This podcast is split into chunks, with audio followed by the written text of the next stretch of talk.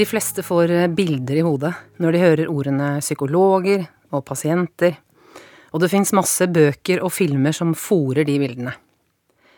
Klassikeren er vel en eh, terapitime med noen som ligger på en sofa med en Freud-lignende person i en lenestol med en klokke dinglende i hånda. Eller husker du Analyze This? Du vet den filmen med Robert De Niro som angstfull mafiaboss som sitter og griner i baren, mens psykologen hans, eh, spilt av Billy Crystal, trøster han så godt han kan. Eller Gjøkeredet, med Jack Nicholson som tvangsinnlagt pasient i belter på institusjon. Jeg heter Heidi Svendsen Tessan, og jeg er også psykolog. Og jeg visste ikke helt hva jeg skulle forvente om det. Jeg hadde ikke noen barndomsdrøm om å bli psykolog. Kjente ingen psykologer, det var ingen i slekta eller venner eller kjente som var psykologer. Jeg var mest interessert i musikk, dans, teater, sang og aerobic. Midt mellom en jobb som salgssjef på Colosseum Park treningssenter og prøvespilling for hovedrollen i den nye TV-serien Hotell Cæsar, så tok jeg et semesteremne i psykologi. Der møtte jeg en gjeng med ekstremt hardtarbeidende studenter som på død og liv skulle inn på profesjonsstudiet for å bli psykologer. Det var veldig vanskelig å komme inn, og jeg er et veldig konkurransemenneske, så jeg tenkte at jeg skal også komme inn på det studiet. Flere av de som søkte, hadde drømt hele livet om å hjelpe andre. Men eh, jeg skamma meg litt over at jeg på den tida var mest motivert av at alle de andre var så utrolig motiverte og ivrige etter å komme inn. Jeg oppdaget raskt at en fortid som gjøgler og aerobic-instruktør ikke ga noe særlig kred på Blindern. Ikke at noen sa noe, men jeg fikk vel et behov eh, for å ta en slags ironisk distanse til det hele. Arrogant, umodent, ja, men ikke så rart, kanskje, det er veldig mange smarte folk på Blindern. Jeg begynte å bruke litt for mange fremmedord, frykten for å virke dum var stor, eh, og jeg oppdaget fort at jeg manglet referanser både fra Kafka og Dostojevskij. I løpet av studiet fant jeg vel en slags balanse mellom aerobic, akademia og alt annet, godt hjulpet av mannen min Odd Erling og de to gutta vi fikk i løpet av studietiden, Jakob og Anton. Min første pasient, det var en sliten kar på 65 som hadde drukket tett i hele sitt liv. Jeg var psykologstudent på siste året og fryktelig nervøs for vår første samtale. Jeg henta han på venterommet, vi satte oss ned, han smilte med et tannløst glis og sa. Ja ja, jenta mi, jeg kan se at du er nervøs, men dette kommer til å gå bra. Du er psykolog nummer 19 for meg, så dette her, det kan jeg. Jeg skal hjelpe deg så godt jeg kan, og si hva du skal gjøre. Flott, sa jeg. Eh, litt lettet fordi jeg slapp å tenke på hva jeg skulle starte timen med å si, men ganske skamfull da for at han så hvor nervøs jeg var. Og det var liksom jeg som skulle være psykologen og vite hva jeg skulle si. Og så var jeg ganske nysgjerrig på hva han skulle fortelle meg. Han som hadde hatt 18 psykologer før meg. Som åpenbart ikke hadde klart å få han til å slutte å drikke. Ok, jenta mi. Sånn her kommer disse samtalene til å foregå. Først så spør du meg om jeg er motivert til å slutte å drikke. Da svarer jeg nei. Så spør du om hva jeg har opplevd i livet. Da forteller jeg om barndommen. Om foreldre som ikke hadde penger, om alkohol, om overgrep og dritt. Om å føle seg utafor fellesskapet. Så spør du meg om jeg tror det er noe sammenheng mellom det jeg har opplevd før og min egen drikking, og da svarer jeg ja. Og det er omtrent så langt som vi kommer før du slutter fordi du blir gravid eller skal jobbe et annet sted. Men slapp av, jenta mi. Jeg har ikke tenkt å skylde på deg fordi jeg ikke slutter å drikke. Jeg kommer hit fordi jeg får penger av Nav for å gjøre det. Ikke noe vits å snakke om drekkinga. Hm, sa jeg. Jeg er veldig glad for at du forteller meg dette nå, så vi slipper å bruke masse tid på samtaler som uansett ikke er nyttig for deg, da. Men noe må vi bruke tida vår på. Eh, er det noe jeg kan hjelpe deg med, sånn bortsett fra det med drikkinga? Ja, sa han. Jeg er uvenner med Laila, det er ikke bra. «Eh, hvem er Laila? spurte jeg. Saksbehandleren min på Nav, sa han. Du skjønner, eh, jeg bor i Torshovparken, under ei busk, og det er så jævlig kaldt om vinteren, og vått om høsten. Jeg trenger et sted å bo. men da må jeg bli venner med Laila. Vi gikk ut. Nedover Akerselva. Snakket om stort og smått. Traska ned til Nav og ned til Laila. Laila var sykemeldt. Så vi fortsatte å gå tur eh, noen uker mens vi ventet på henne. Til slutt kom hun, og vi snakka sammen. Lenge. De ble venner. Hun skaffet han leilighet. Jeg så ikke så mye mer til ham. Men han kom innom en gang noen uker senere. Fortalte at han var så fornøyd, for nå var han varm og kunne drikke i fred. Det eneste jeg mangler nå er ei dame, sa han. Men det kan kanskje ikke du hjelpe meg med? Og gliste. Og så fortalte han om leiligheten, om hvor fornøyd han var. Han og Laila hadde vært på Ikea. Kjøpt to planter som ikke trengte så mye vann. Det er de første plantene jeg ikke har drept, Heidi, dem lever ennå! Han hadde også kjøpt en plakat av New York. Du vet det bildet av de bygningsarbeiderne som sitter oppå den bjelken ute i lufta og spiser lunsj. Han likte veldig godt det bildet. Han hadde ikke vært i New York, men likte å drømme seg bort mens han drakk en øl og tenkte på damer. Jeg er så veldig glad for at akkurat han var min første pasient. I starten tenkte jeg en del på at eh, jeg ikke klarte å få han til å slutte å drikke. Og at jeg ikke var en ordentlig psykolog, siden vi ikke snakket om barndommen, og at han fikk sånne aha-opplevelser og innsikt som førte til endring. Sånne ting som jeg har lest at terapi er, da, og som jeg hadde håpet at jeg skulle få oppleve. Men jeg lærte så mye av han. For det første møtte jeg meg selv tidlig i døra med tanke på hva jeg trodde jeg skulle hjelpe han med, og at jeg nesten hadde tenkt ut det på forhånd. Men han ønsket noe hjelp til noe annet enn det jeg antok, og sånn er det ganske ofte. Jeg må nesten ta utgangspunkt i hva de som kommer er opptatt av. Folk kjenner seg selv best. Hvis de skal stole på meg, må jeg være helt ekte nysgjerrig på dem. For min første pasient var ikke drikking av det største problemet. Han var kald. Og det er det andre jeg tok med meg. At grunnleggende ting må være på plass før man kan drive med terapi i mer sånn selvutviklende forstand. Et hjem. Mennesker som bryr seg om deg. Et minimum med penger. For det er ikke så rart at du får angst hvis du ligger våken om natta og bekymrer deg over regningsbunken som vokser i skuffen. Ikke så lett å være ti år og få i naturfagslekse at du skal spise fem om dagen, hvis kjøleskapet er tomt. Det tredje jeg lærte, var at livskvalitet er viktigere enn hva slags symptomer du har. Opplevelsen av å få til noe. Øynene hans som strålte når han fortalte om leiligheten, hvor stolt han var som ikke drepte de plantene, hvor fornøyd han var med at han klarte å henge opp plakaten hvor fint livet hans var nå når han ikke var kald. Tenk at han nå hadde såpass med overskudd at han hadde lyst til å finne seg en kjæreste. Livskvalitet og opplevelse av mening, det henger sammen.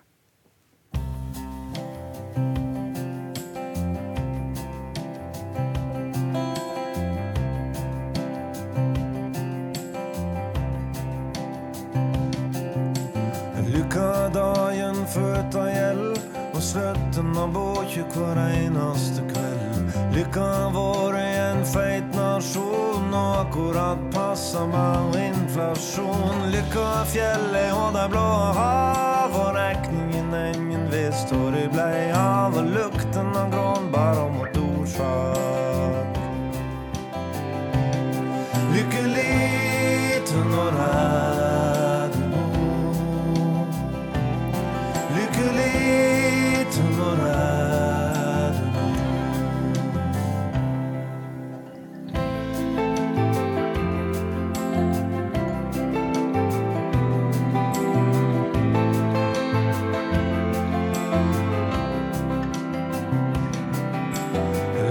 Fredag og fjernkontroll og var oppe til fire og sove til tolv. Lykka er mai og løv som spredt, og at Are tek feil og du har rett, ja. Lykka det er når lykka snur, og ellers det meste av det som en tror. Ja, lykka er det som du veit fra før. Lykkelig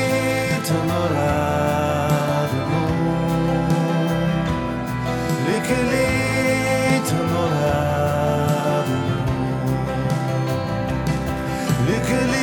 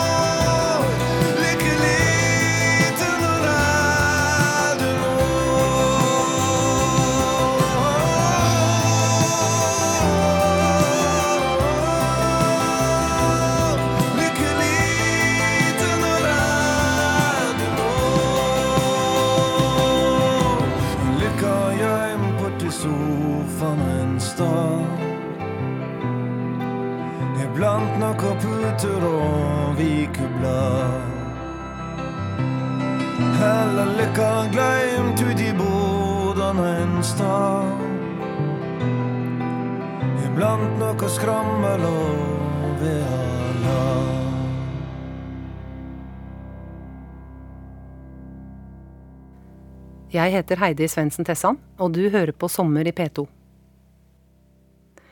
Den fineste jobben jeg hadde før jeg ble psykolog, var som revyinstruktør for de innsatte på Bredtvet kvinnefengsel. Jeg vet ikke om du har sett det fengselet, men det er som fengselet flest. Høye gjerder med piggtråd og en stor mursteinsbygning med gitter foran vinduene. Været var som bestilt i stemningen første gang jeg var der. Grått og fuktig og tåkete. Det var altså vanvittig mange låste dører. Det tok over ti minutter å bli låst inn og ut gjennom alle dører og etasjer og kriker og kroker, før vi til slutt satt oppe i et slags eh, tårnkontor sammen med noen som skulle gå gjennom sikkerhetsrutiner. Jeg fikk klaus. Fra å være vant til amatørteater med tekstskriving til langt utover natta med altfor mye rødvin og overnattinger på tjukkaser i gymsalen på skolen, til et regime hvor alle skulle inn på cellene tidlig om kvelden og ingen kunne tisse uten å bli fulgt, det var en stor overgang. En skikkelig vekker, hvor selvsagt jeg tar min frihet, hvor enkelt jeg går ut av huset hver morgen og låser døra. Nå kommer jeg meg ikke ut uten et nøkkelknippe fra helvete som jeg uansett ikke hadde tilgang på. Nede i øvingsrommet ventet ti litt slitne damer i joggedresser. De hadde status både som kriminelle innsatte og skuespillere, dansere og sangere i revyen. Tekstene skulle de skrive selv. Koreografi og regi skulle jeg ha ansvar for. Noen av dem var veldig unge. Noen var litt eldre. Noen skulle sitte inne lenge, noen veldig kort. Alle hadde meninger om å sitte i fengsel. De fleste av dem hadde psykiske problemer, og det var ikke så rart. Historiene deres var fulle av utnyttelse og overgrep. Ingen av dem hadde noe teatererfaring, men alle hadde livserfaring i bøtter og spann. Mitt soleklare favorittnummer fra revyen var et kabaretnummer som handlet om onani. De dreiv en del med det på cella på kveldstid, for å si det sånn. Ikke så mye annet å finne på, kanskje. Teksten skrev de selv, jeg laget melodien. Og den husker jeg veldig godt. Den gikk sånn her. Onani gjør deg lykkelig og blid. Onani, vær din egen fantasi. Husk at høyre hånd er din venn. Du kan ha mye gøy med den. Så hva skal vi vel da med menn? De hadde på seg sånne hvite mamelukker. Du vet sånne svære underbukselignende greier med strikk nederst på låret. De så helt utrolig komiske ut. Og det var sjelden vi klarte å gjennomføre hele nummeret uten at én eller flere fikk latterkrampe. Revyen ble en herlig blanding av eh, selvskrevne monologer om et liv på utsiden av samfunnet, dansing med stripete fangedrakter og samfunnskritiske tekster om et verdig liv i fengselsomsorgen. Fengselsdirektøren han var kjempestolt, og vi fikk dra på miniturné til gutta på Ullersmo og Oslo fengsel. Det var en opplevelse. Gymsalen på Ullersmo var stappfull av innsatte menn. Og jentene var rimelig nervøse før onanisangen. Jeg kjenner at jeg blir skikkelig nervøs igjen når jeg snakker om det nå. Det ble en braksuksess. På første refreng var det helt stille i salen, men da det gikk opp for gutta hva jentene sang om, så falt hele salen i staver. De lo så fælt at de datt ned av stolen og lå på gulvet og vred seg i latter så jentene måtte slutte å synge. Det er noe av det mest absurde jeg har vært med på. Det var en sånn intern fengselsgreie som jeg ikke så at kom til å treffe så hardt. Jentene måtte synge den sangen som ekstranummer til stående applaus. Jeg glemmer aldri da vi dro. Vi satt i bussen ute på gårdsplassen utenfor fengselet da en av jentene sa Se der! Jeg snudde meg og så opp mot fengselet. Alle gutta holdt lightere eller små lommelykter foran vinduene sine og lyste opp hele bygningen. De vaiet hendene som hilsen til oss. Da begynte jeg å gråte. Tenkte på alle som brydde seg om at vi var der. Hvor gøy de hadde hatt det. Hvor viktig dette var for jentene.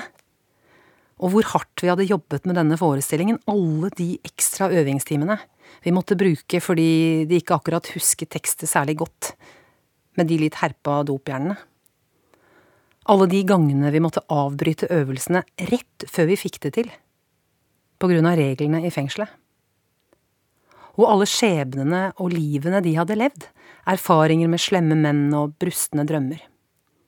Samholdet oss imellom, følelsen av å gjøre noe viktig sammen, alt jeg lærte av dem, omsorgen de viste for hverandre, utrolig rørende. Vi opptrådte også på Helsedirektoratets landskonferanse på Gardermoen. Det var noe ganske annet. Byråkrater og politikere i dress, taler, roser og skryt. Og Trond-Viggo Torgersen backstage. Jeg hadde vært i kontakt med han noen måneder tidligere fordi vi ønsket å bruke Tenke sjæl som avslutningslåt. Eh, og jeg ville høre med han om det var ok at jeg skrev om teksten litt, så den passet til det vi skulle bruke den til. Og så inviterte jeg han til forestillingen, men jeg trodde jo ikke at han kom. Dagen før forestillingen så ringte Trond-Viggo meg og sa at han egentlig skulle holde et innlegg på en konferanse på Gjøvik, men at han hadde fått flyttet på innlegget sitt, så han kjørte innom Gardermoen på veien for å se forestillingen. Det var så stort! Vi var like starstruck alle sammen. Eh, jeg skulle spille piano, og det er jeg virkelig ikke god på. Og Trond-Viggo satt på første rad, og jeg spilte masse feil på å tenke sjæl. Og det var såpass påfallende at han kikket bort på meg et par ganger og smilte et veldig sånn forståelsesfull uff da. Men jeg hører at du gjør så godt du kan. Heldigvis gjorde jentene på scenen det de skulle, og leverte en rungende og tydelig versjon av låta. Etterpå kom Trond-Viggo inn bak scenen. Han samlet jentene i en slags fotballsirkel, og så sa han. Tusen takk for at dere ville bruke låta mi, damer. Og tusen takk for at dere framførte den på en så flott måte.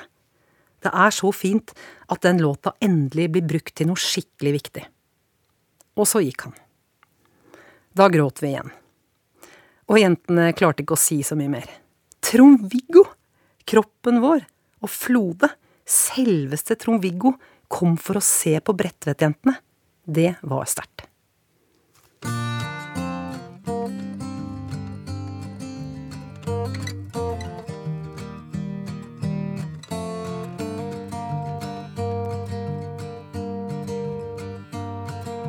Like so many girls, Jenny Wren could sing, but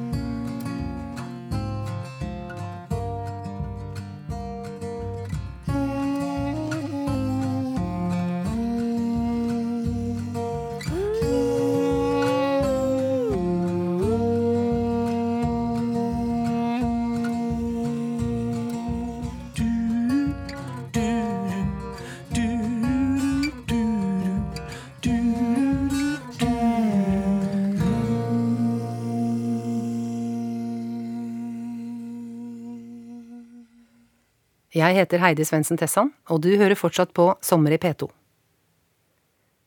Jeg har møtt utrolig mange barn og ungdom som har det vanskelig. Jeg har blant annet jobba på helsestasjonen, i pedagogisk psykologisk tjeneste, i psykisk helsevern og med barnevern. Jeg har møtt barn som er uhyre skeptiske til voksne, som forteller om vold og overgrep. Ungdom som aldri har opplevd at de føler seg ordentlig trygge. En av dem som har krøpet lengst inn i hjertet mitt, er en ung mann som ble tatt ut av hjemmet som liten, fordi foreldrene alltid lå rusa på sofaen, og ikke skifta bleier eller løftet han opp når han gråt. Han ble plassert i et fosterhjem, men de angret og ville heller ha en liten jente, for han var så vanskelig. Han flyttet videre til et annet fosterhjem, og der ble han utsatt for ny omsorgssvikt. Han flytta rundt på forskjellige institusjoner, men slo seg ut overalt. Han ville ikke bo der, han ville bare hjem. Men hjemme kunne han jo heller ikke bo. Han flytta hjem, flytta tilbake på institusjon, og ble utsatt for vold på den nye institusjonen. Han ble lagt i bakken, knær mot kinnet, harde rop om å roe seg ned. Tenk å ikke føle at man hører hjemme noe sted. Bare bli sendt som en pakke rundt og rundt. Han fortalte meg at han pleide å komme for sent til skolen fordi han måtte ta runder på offentlige toaletter på vei til skolen, for å fylle opp sekken med dopapir, for det hadde de ikke hjemme. Før han så hadde jeg aldri tenkt på at det finnes barn i Norge som bor i hjem som ikke har dopapir. Det er mange som spør meg om jeg tar med jobben min hjem, og svaret er helt klart ja, det gjør jeg innimellom. Særlig hvis jeg har møtt barn som lever under helt forferdelige kår. Jeg husker eh, en gang at jeg fikk en søskenflokk inn på kontoret, og helt uforberedt fikk høre en forferdelig makaber voldshistorie. Torturlignende beskrivelser. De ble behandla som dyr. Jeg var ganske nyutdanna, og var aller mest opptatt av å vise at det var trygt å fortelle dette til meg, og at jeg skulle gjøre alt jeg kunne for å få dem i sikkerhet. Jeg satt resten av ettermiddagen med politiet og barnevernstjenesten og krisesenteret og diverse andre hjelpere, og alle tok situasjonen på alvor. På veien hjem så måtte jeg stoppe i veikanten for å spy. Det var helt jævlig å tenke på hva disse barna hadde blitt utsatt for, og at det ikke hadde blitt oppdaget før.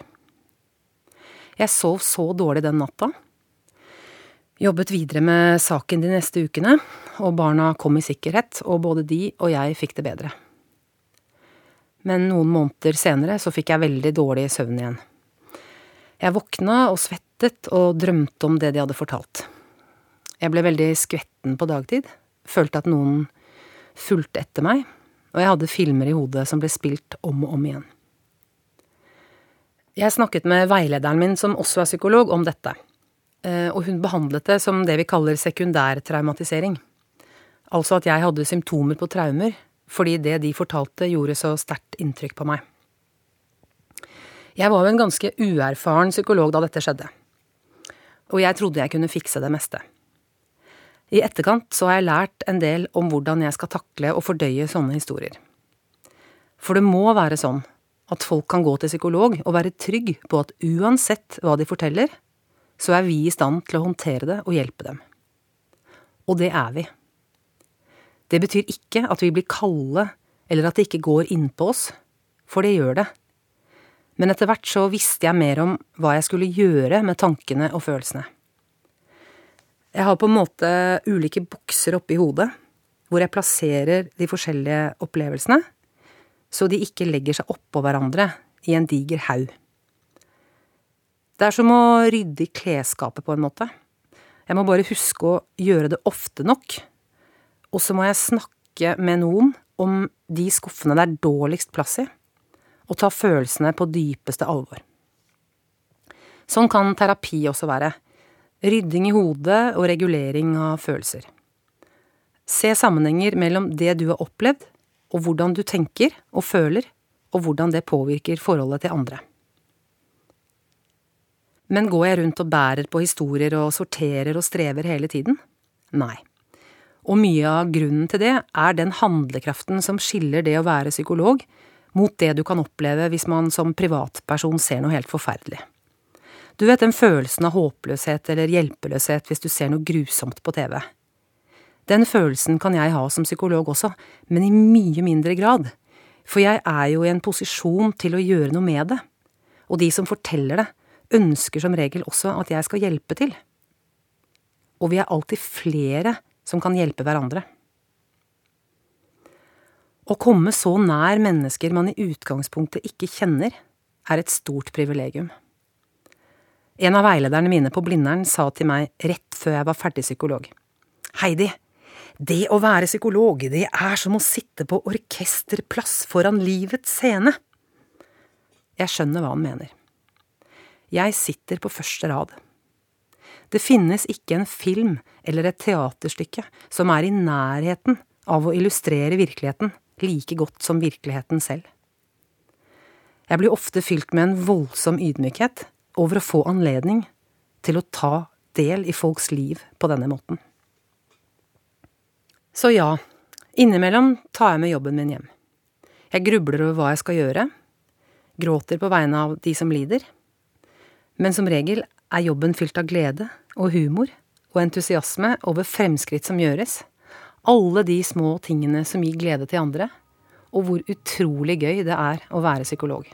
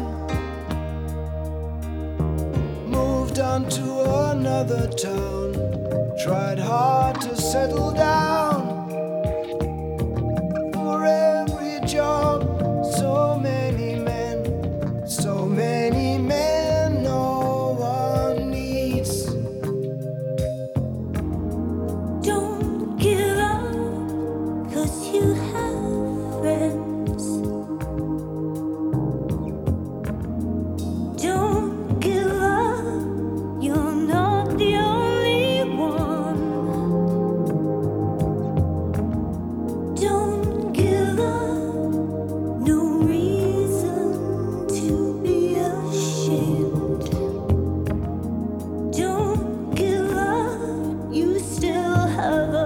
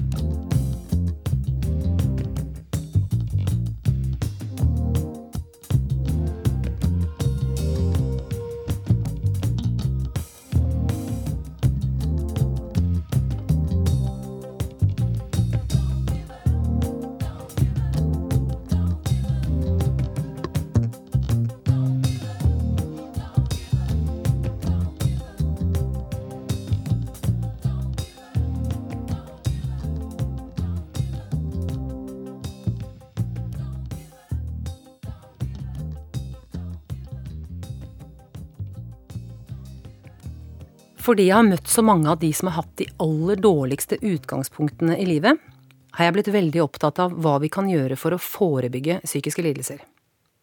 Vi må ha et samfunn som det er godt å leve i, og hvor ingen føler seg utenfor. Politikerne har heldigvis skjønt at vi har manglet samme satsing på psyken som vi har hatt på resten av helsen.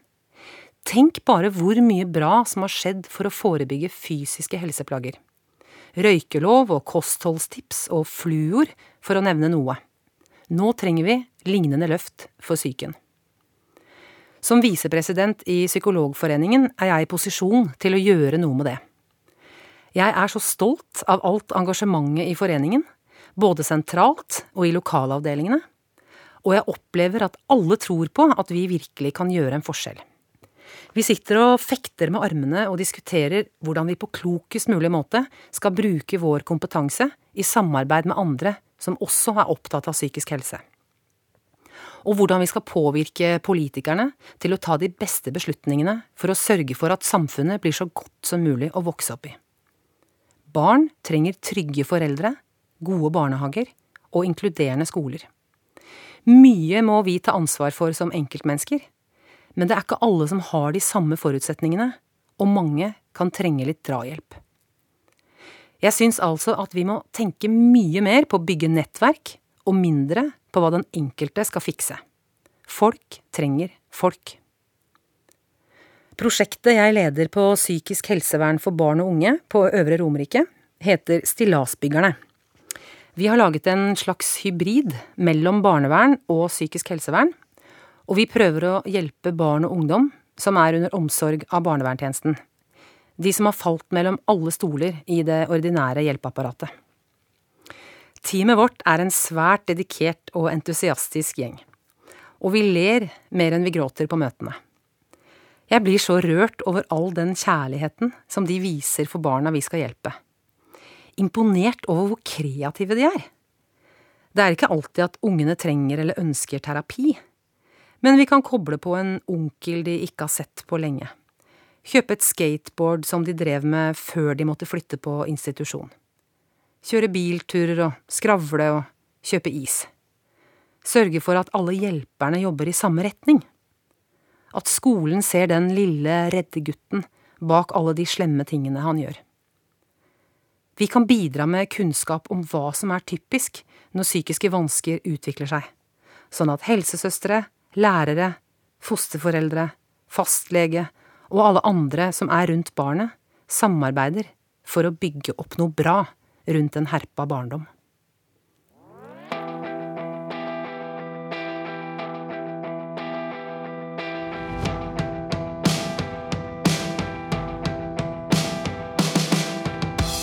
Den skal ikke se meg når jeg er nedfor. Alle gardiner er der for å bli trukket for. Føler meg som flere folk en ekbo i søkelyset, hater å bli sett på. Hver dag er bare nerver og drama, men løper fortsatt foran kamera. Veiver med arma, noen greier jeg angrer på. Er det en greie her, karma? For mannen oppå skulderen min er jævlig forbanna. Tyner og tyner med han der styggen på ryggen.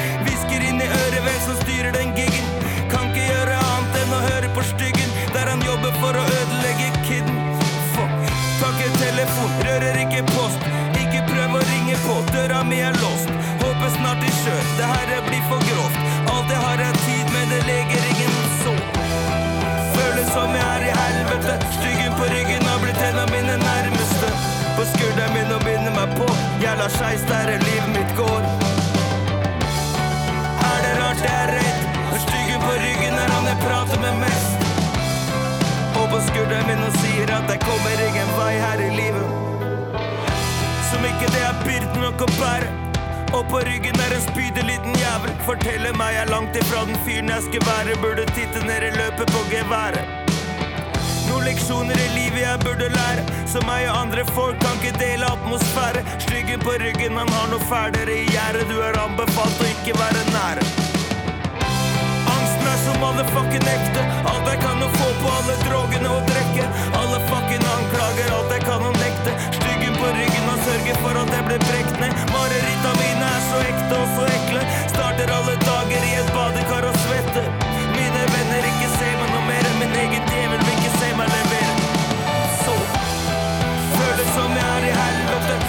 på ryggen har blitt en av mine nærmeste. På skulderen min og binder meg på.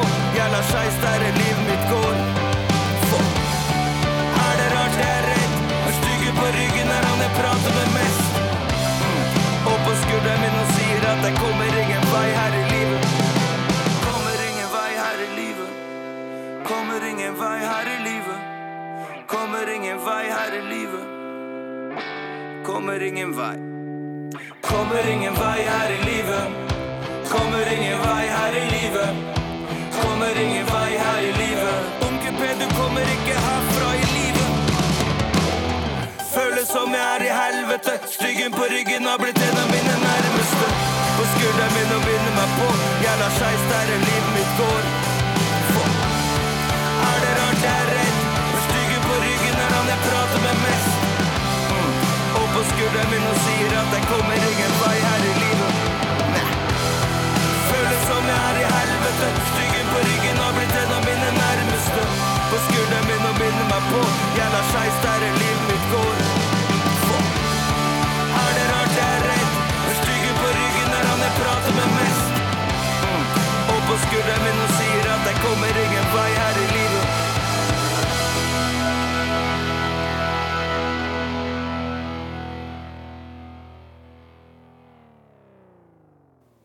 Du hører fortsatt på Sommer i P2, og jeg heter Heidi Svendsen Tessan.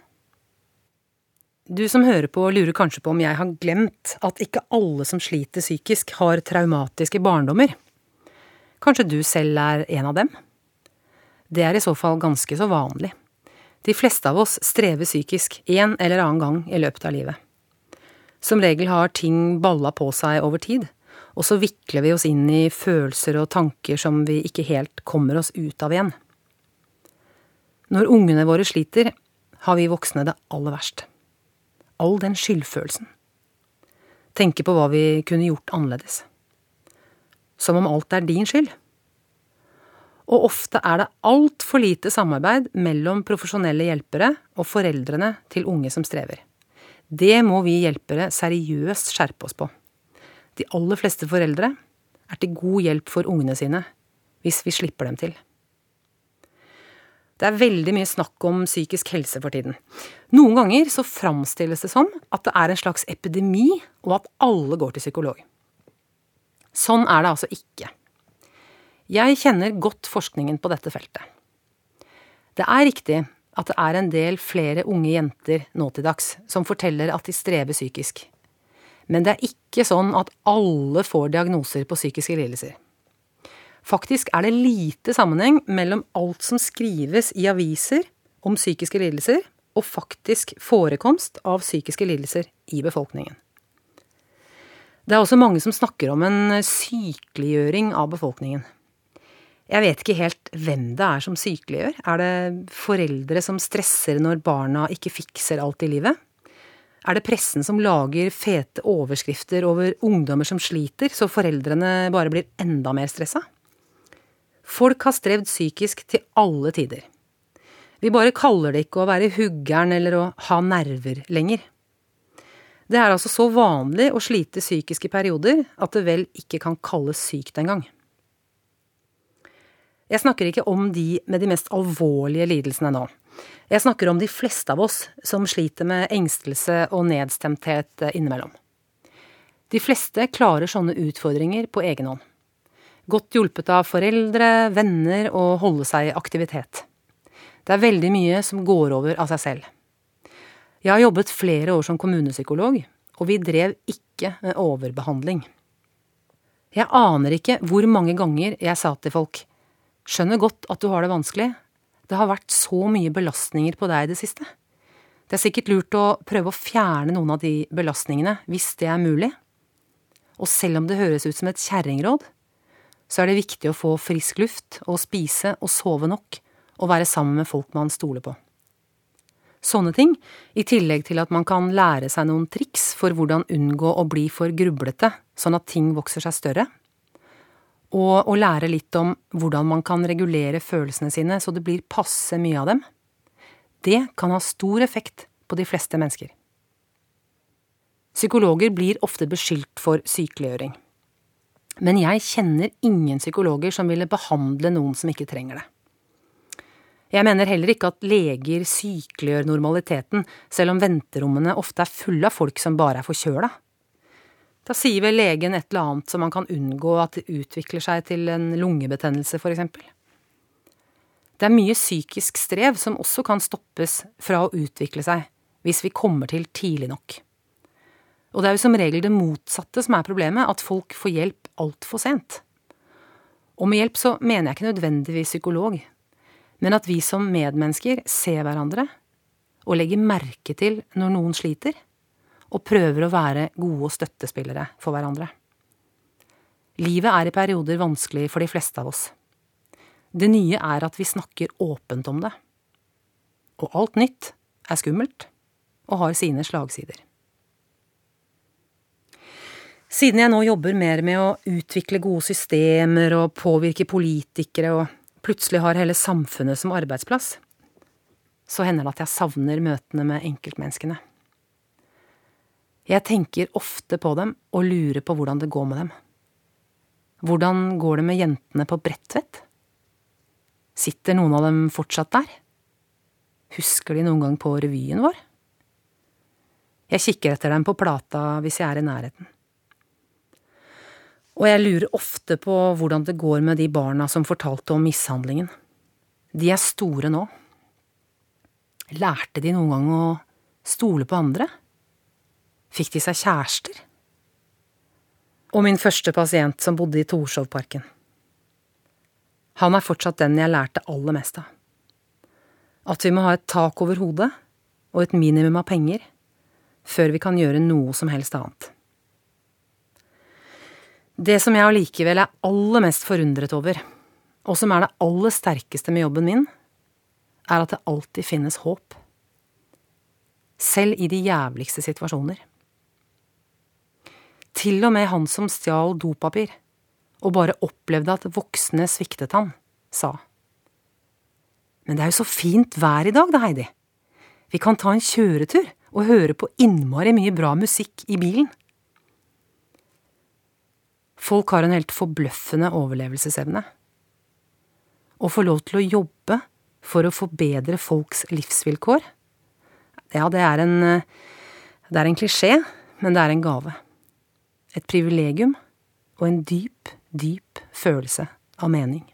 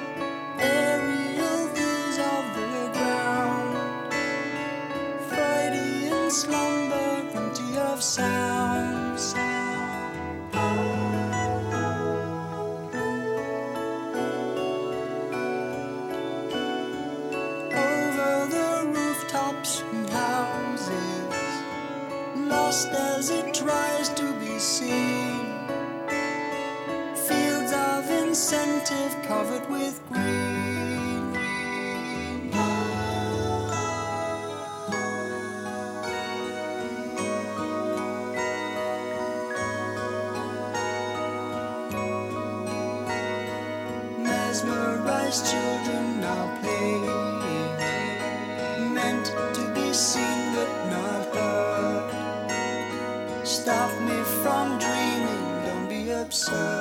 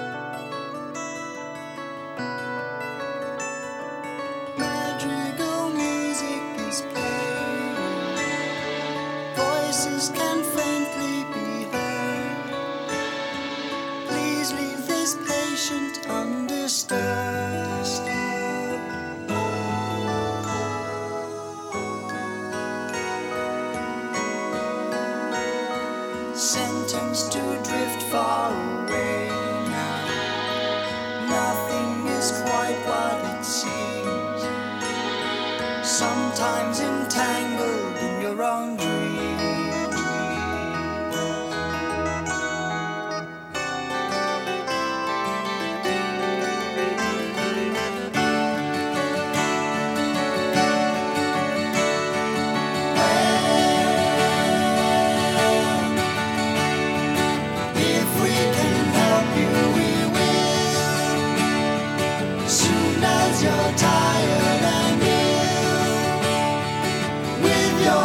send